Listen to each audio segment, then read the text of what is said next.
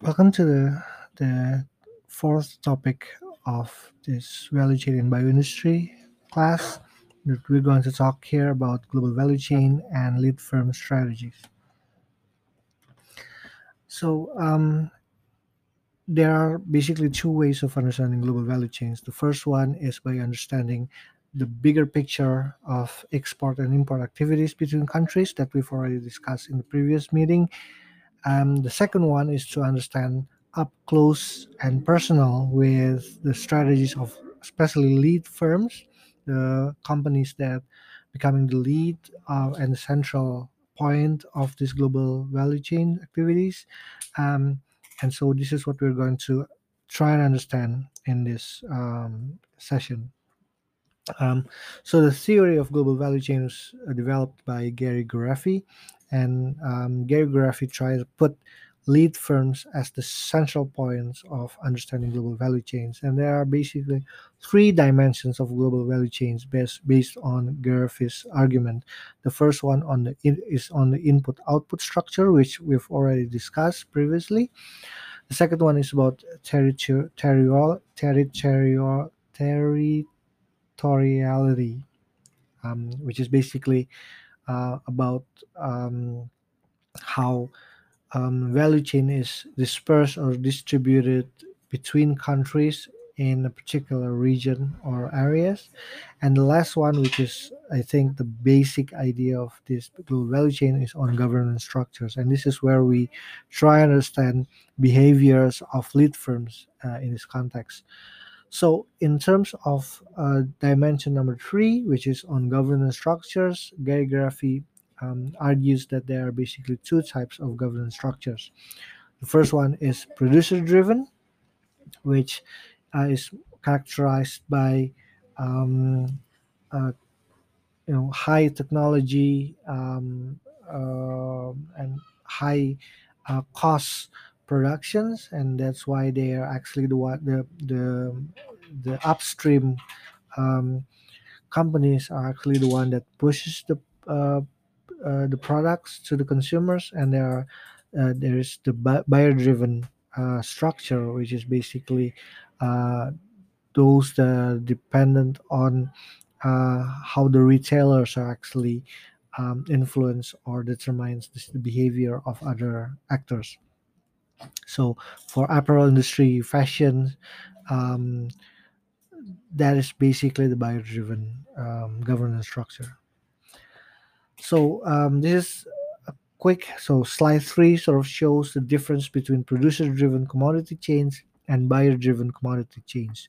With the producer-driven, the central point is the manufacturers that develop the technology.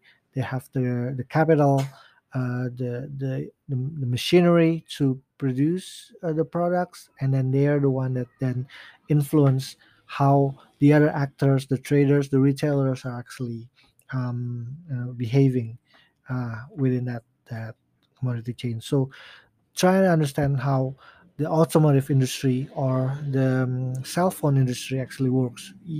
The retailers they don't actually um, make a lot of um, significant contributions to the behaviors of the industry.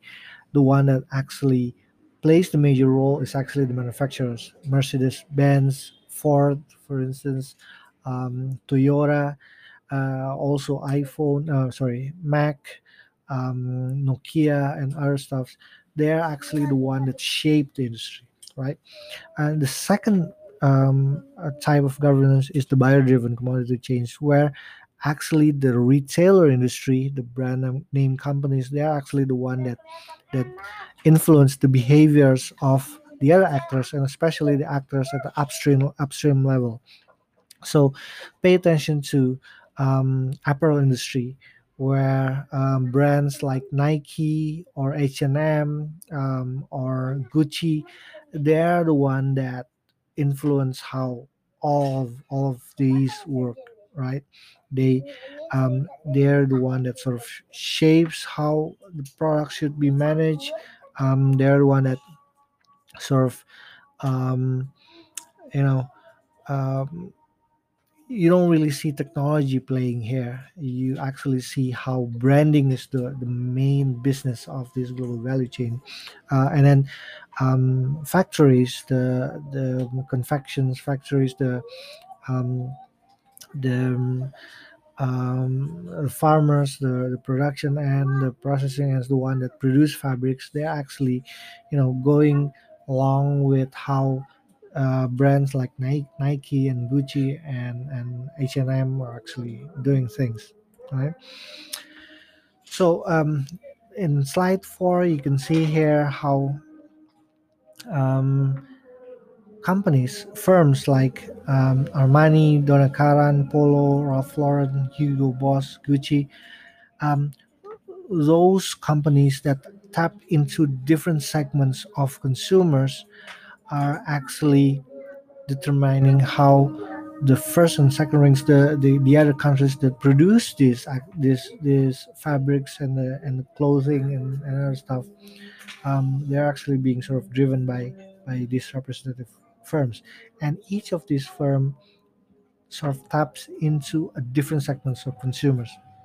So armani and donna karan for instance they tap into more expensive um, designer products. Um, their um, their their orders are in small lots, uh, and so they really rely on specialized suppliers, specialized um, factories that can produce a really detailed um, products based on um, their demands. Right, um, retailers like the Gap or Calvin Klein, they have rather loose um, uh, demand on a particular product, so they're not they don't have they they still have that top quality high price goods but not exclu- exclusive designer products. Okay so so they rely on um, more generalized suppliers um, uh, high quality suppliers but still you know you can still have that second or thir- third or fourth rings of suppliers um, that's totally different with um, Walmart or Kmart or Target or Carrefour, for instance, that are basically discount chains. So they rely on low price store brand products. They don't really care about brands, uh, and so they can have uh, they can tap into um, more generalized suppliers, probably low quality suppliers. And so the way you looked at it in the apparel industry is that you you differentiate countries based on the on the level of sophistications on the cost of productions and lead time for delivery um, into circles. The first circles would be uh, countries that provide so this is really a us centric types of circles. Um, the buyers the the brands the big brands are originated from the us um, the suppliers can be from different circles, right? So, um, for um, huge, expensive, exclusive designer brands like um, Giorgio Armani, they would want to have uh, the products come from Italy or France, the one that are really, you know, artisanal, specialized um, suppliers type of products. But with um, with Gap, for instance, they can still rely on countries like Hong Kong or Singapore or even Indonesia to provide the the the, uh, the products for their um, for their brands.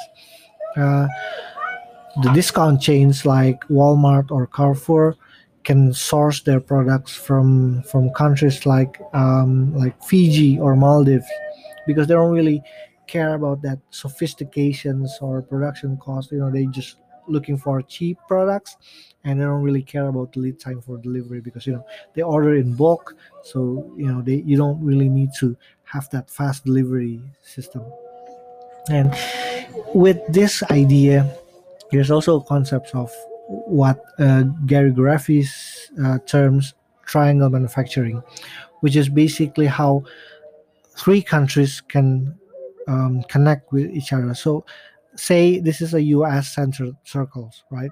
Um, Italy, for instance, are the first tier uh, suppliers of um, designer products for the U.S. but Italy, France, or Japan can also source their products from countries like Indonesia and Malaysia. So there's the the second tier or the third tier of countries, and and what happened actually is that countries like Indonesia and Malaysia can export directly to the U.S. on behalf of countries or companies in Italy and France. Um, this is what uh, Gereffi called triangle manufacturing. So the third country can directly export to buyers, and the reason is not um, usually because uh, are some issues about import quota. So, for instance, um, there's a quota for um, uh, import from Italy, so Italy cannot export that much of products to US. So the idea is that uh, Indonesia can be assigned as, as an offshore um, factories um, and then Indonesia can export directly to US because there's no quota for Indonesia, for instance, or lesser quota or higher quota for Indonesia, um, and so so this is the that triangle manufacturing, and by this mechanism, um, countries like Indonesia can upgrade, can be mature enough, uh, can can sort of uh, push their factories or their industry into a certain evolution where they they used to just be able to export to Italy or Taiwan, but then they're being upgraded so they can export to countries like the US as well. This is what we call the maturation uh, process. Um, yeah.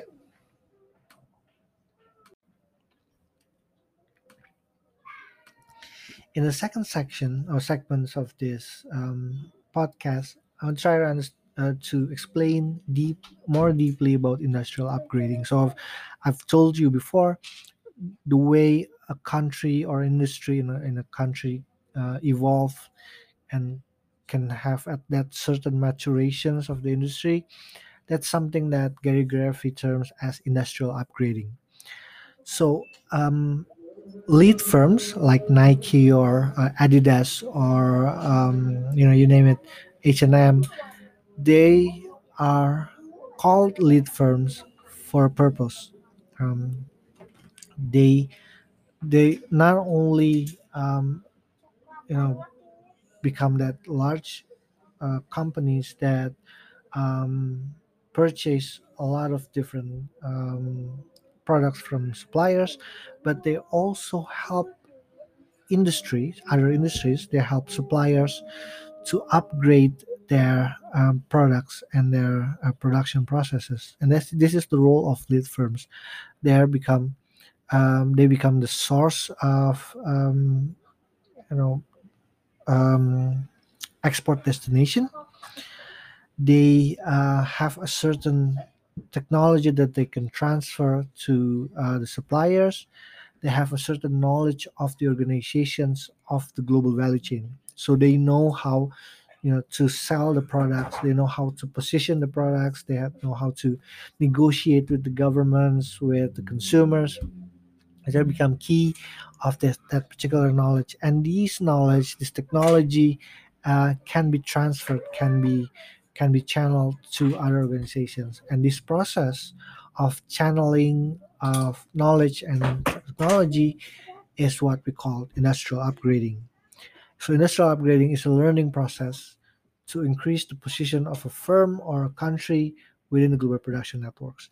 And this can be done through two ways, through forward linkage as well as through backward linkage. I'll tell uh, you more about it um, later on. So um, basically, if you still remember the two stru- governance structures uh, within the value chain there's a produ- producer driven chain and there's a buyer driven chain.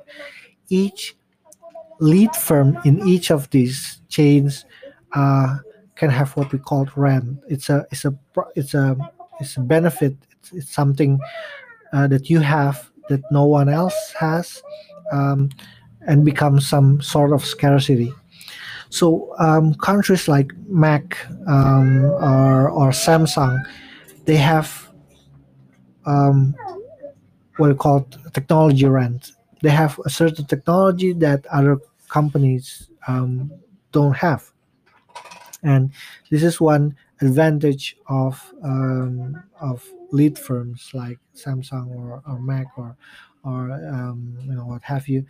Um, this technology uh, becomes their their uh, sort of you know th- their rent their their um, their advantage. Another way of saying this is that uh, these kind of lead firms have what we call organize, organizational rent. Basically, they have um, they know how things work they know how to uh, source their suppliers they know how to um, to manage standardization you know uh, international standards. Um, and this is what we call the organizational rent so so they know something uh, in how the the company works in how the, the global value chain works that other companies don't. Okay.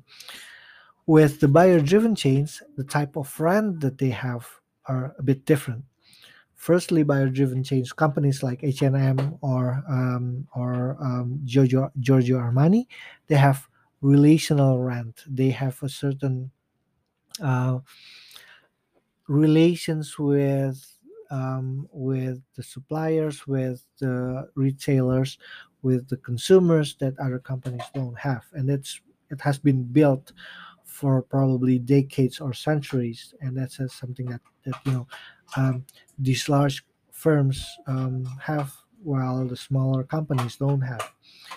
Um, trade policy the way they negotiate with governments are also become their rent and then brand of course like you you, you consumers choose to buy um, clothes from from H&M as compared to you know smaller brands because not because it's better not because the clothes the quality of the fabric is better but because you know you trust that brand. You have that you know certain certain pride of using that brand. So that's something that you know a large company can can have right? Uh, so upgrading can happen in different places.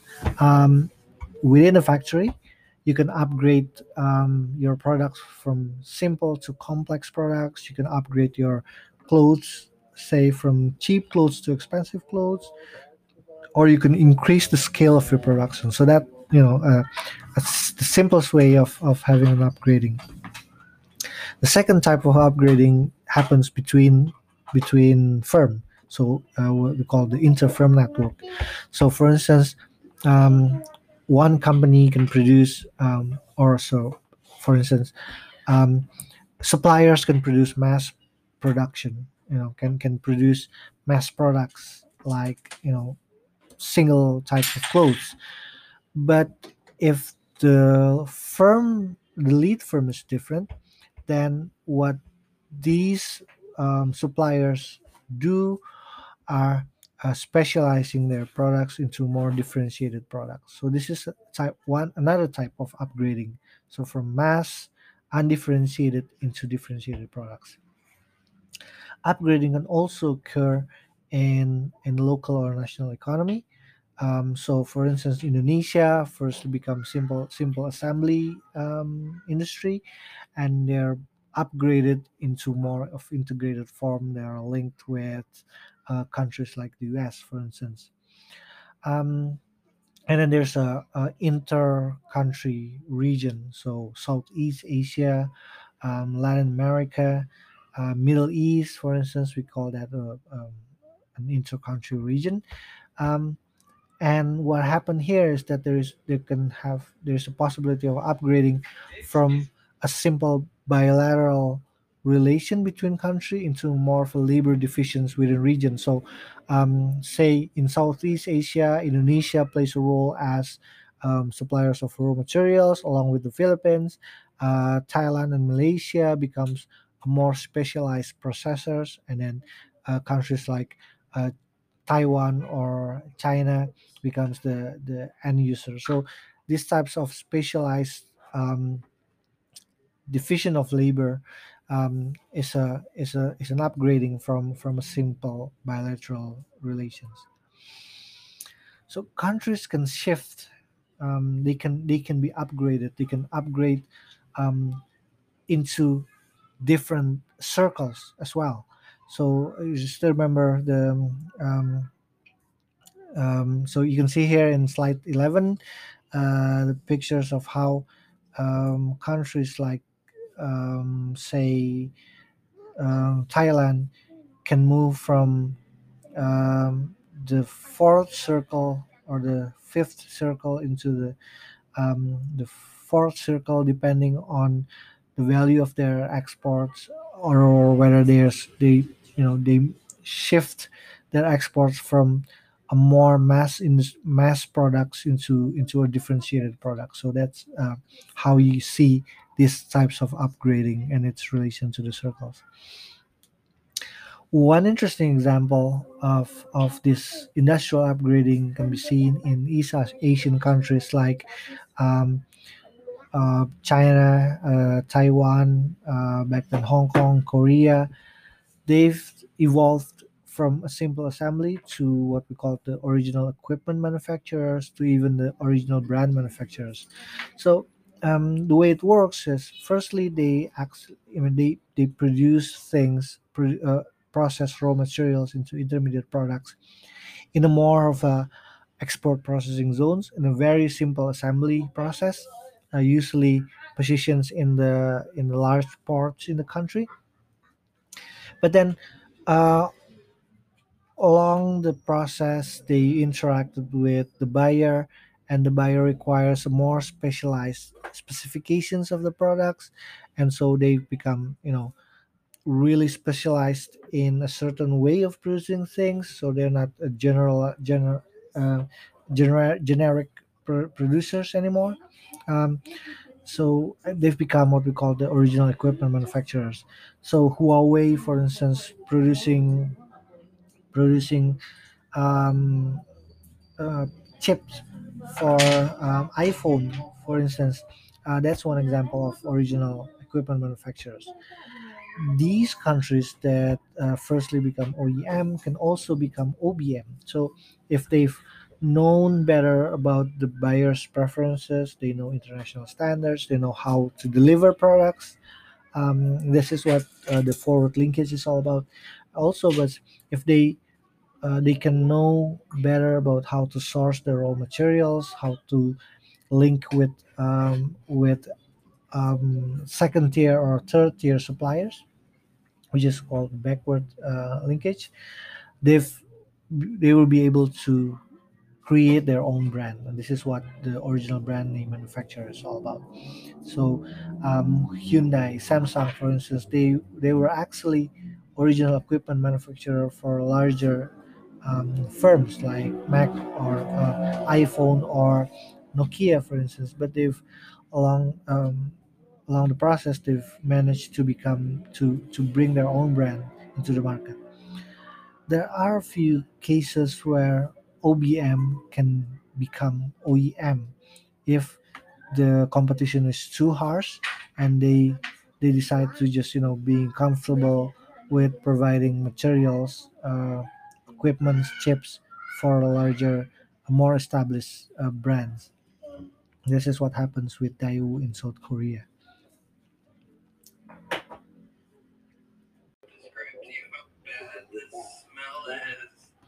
So there are basically five forms of uh, value chain governance.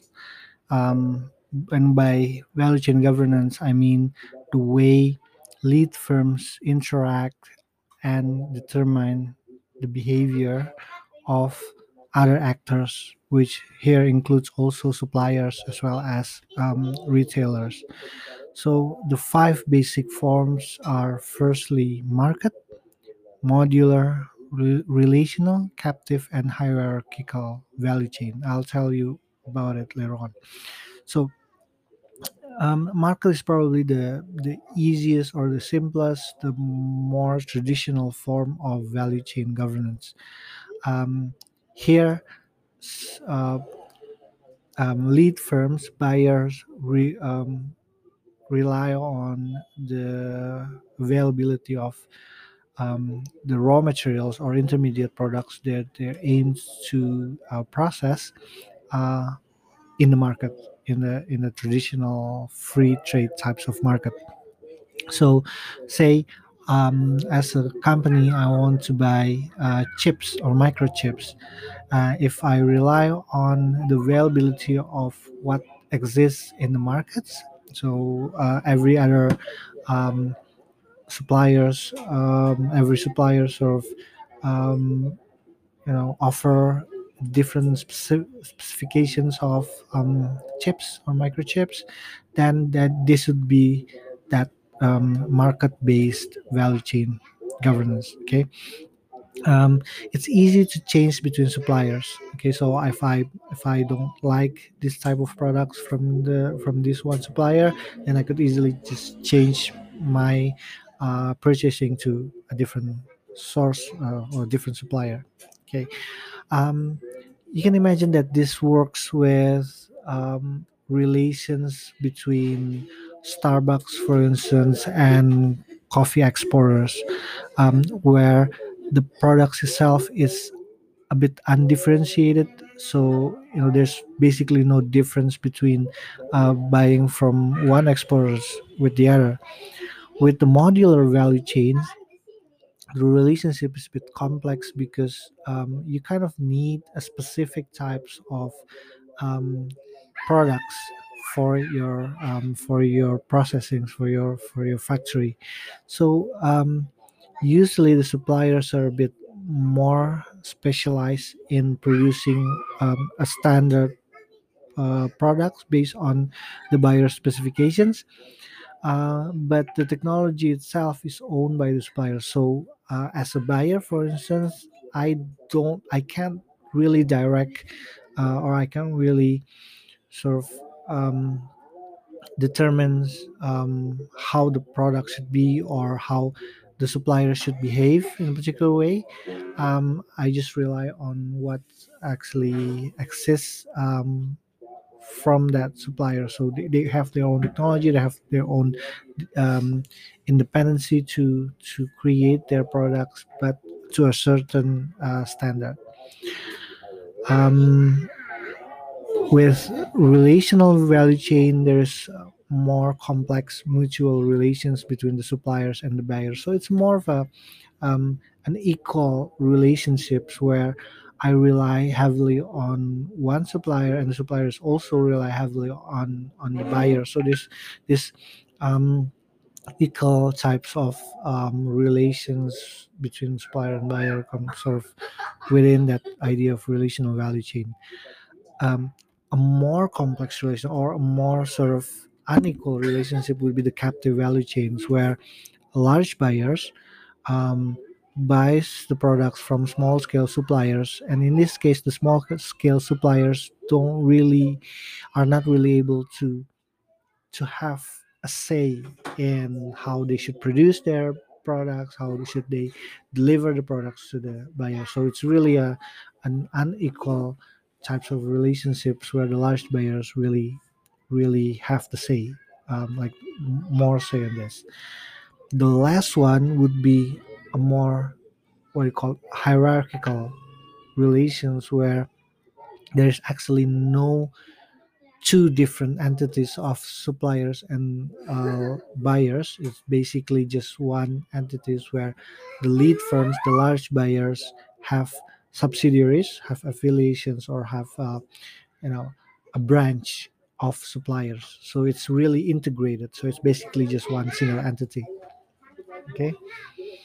Now um, the way these suppliers and buyers relate with each other in terms of these five value chain governance really depends on a lot of uh, actually on three determining factors.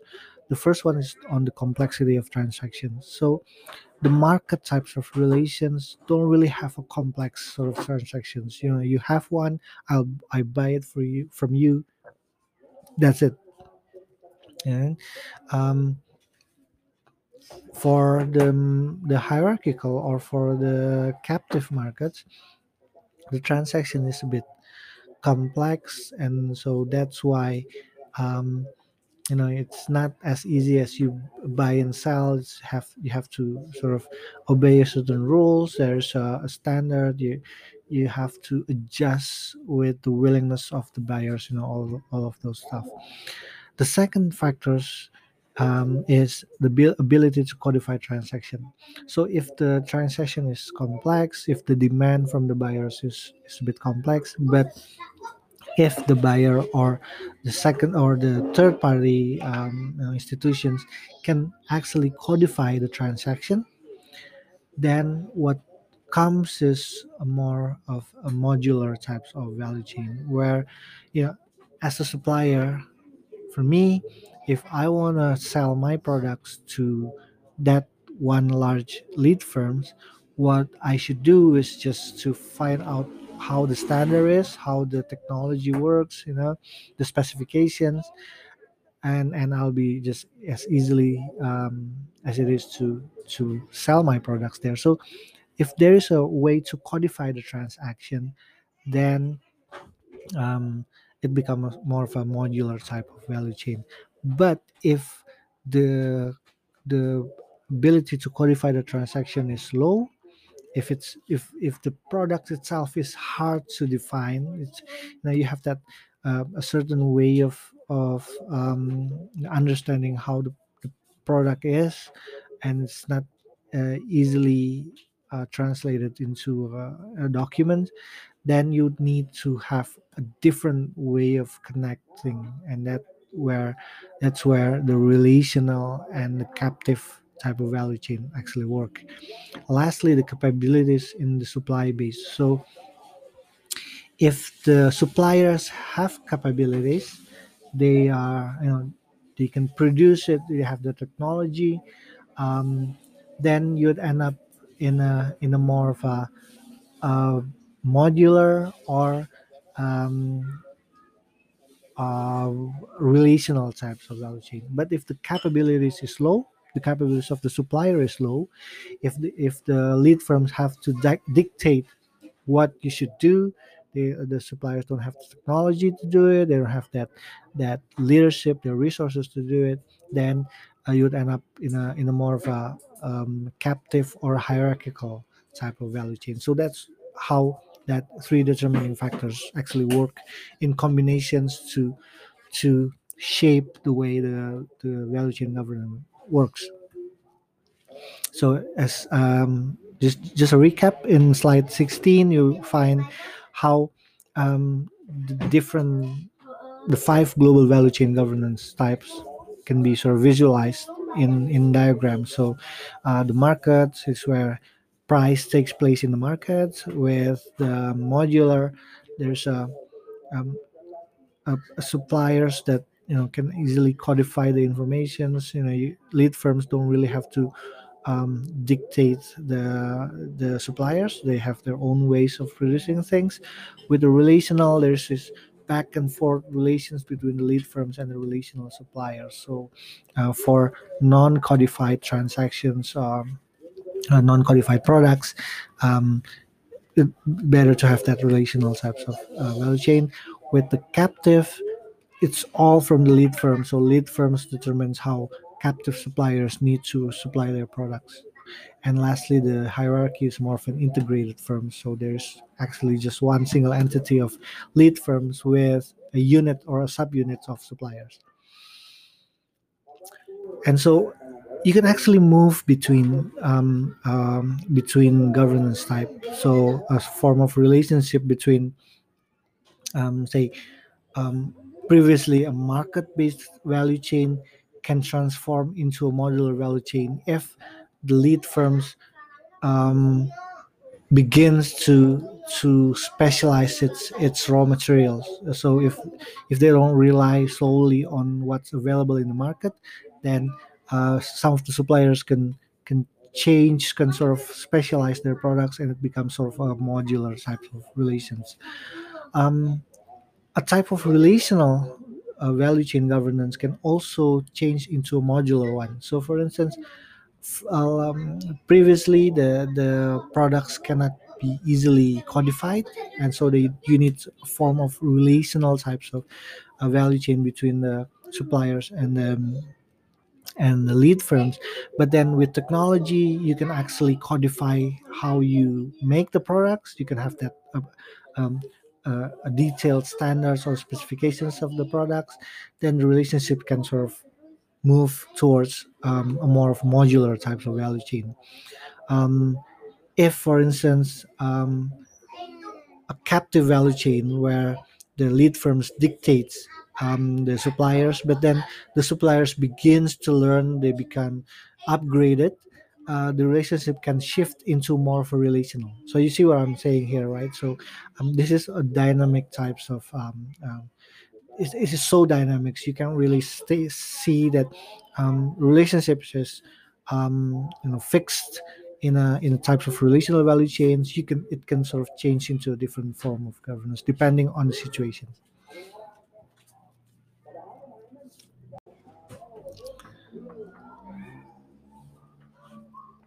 lastly in slide 19 i want to begin to talk about um, how we should move.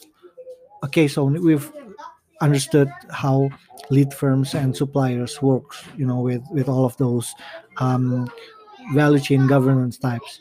Now if we look wider into different uh, actors not only suppliers and lead firms but also um, the markets the, custo- the, the customers governments you know labor organizations all of those stuffs then you would look into a different side of um, theory. So you're not looking at global value chains anymore. You're looking at global production networks.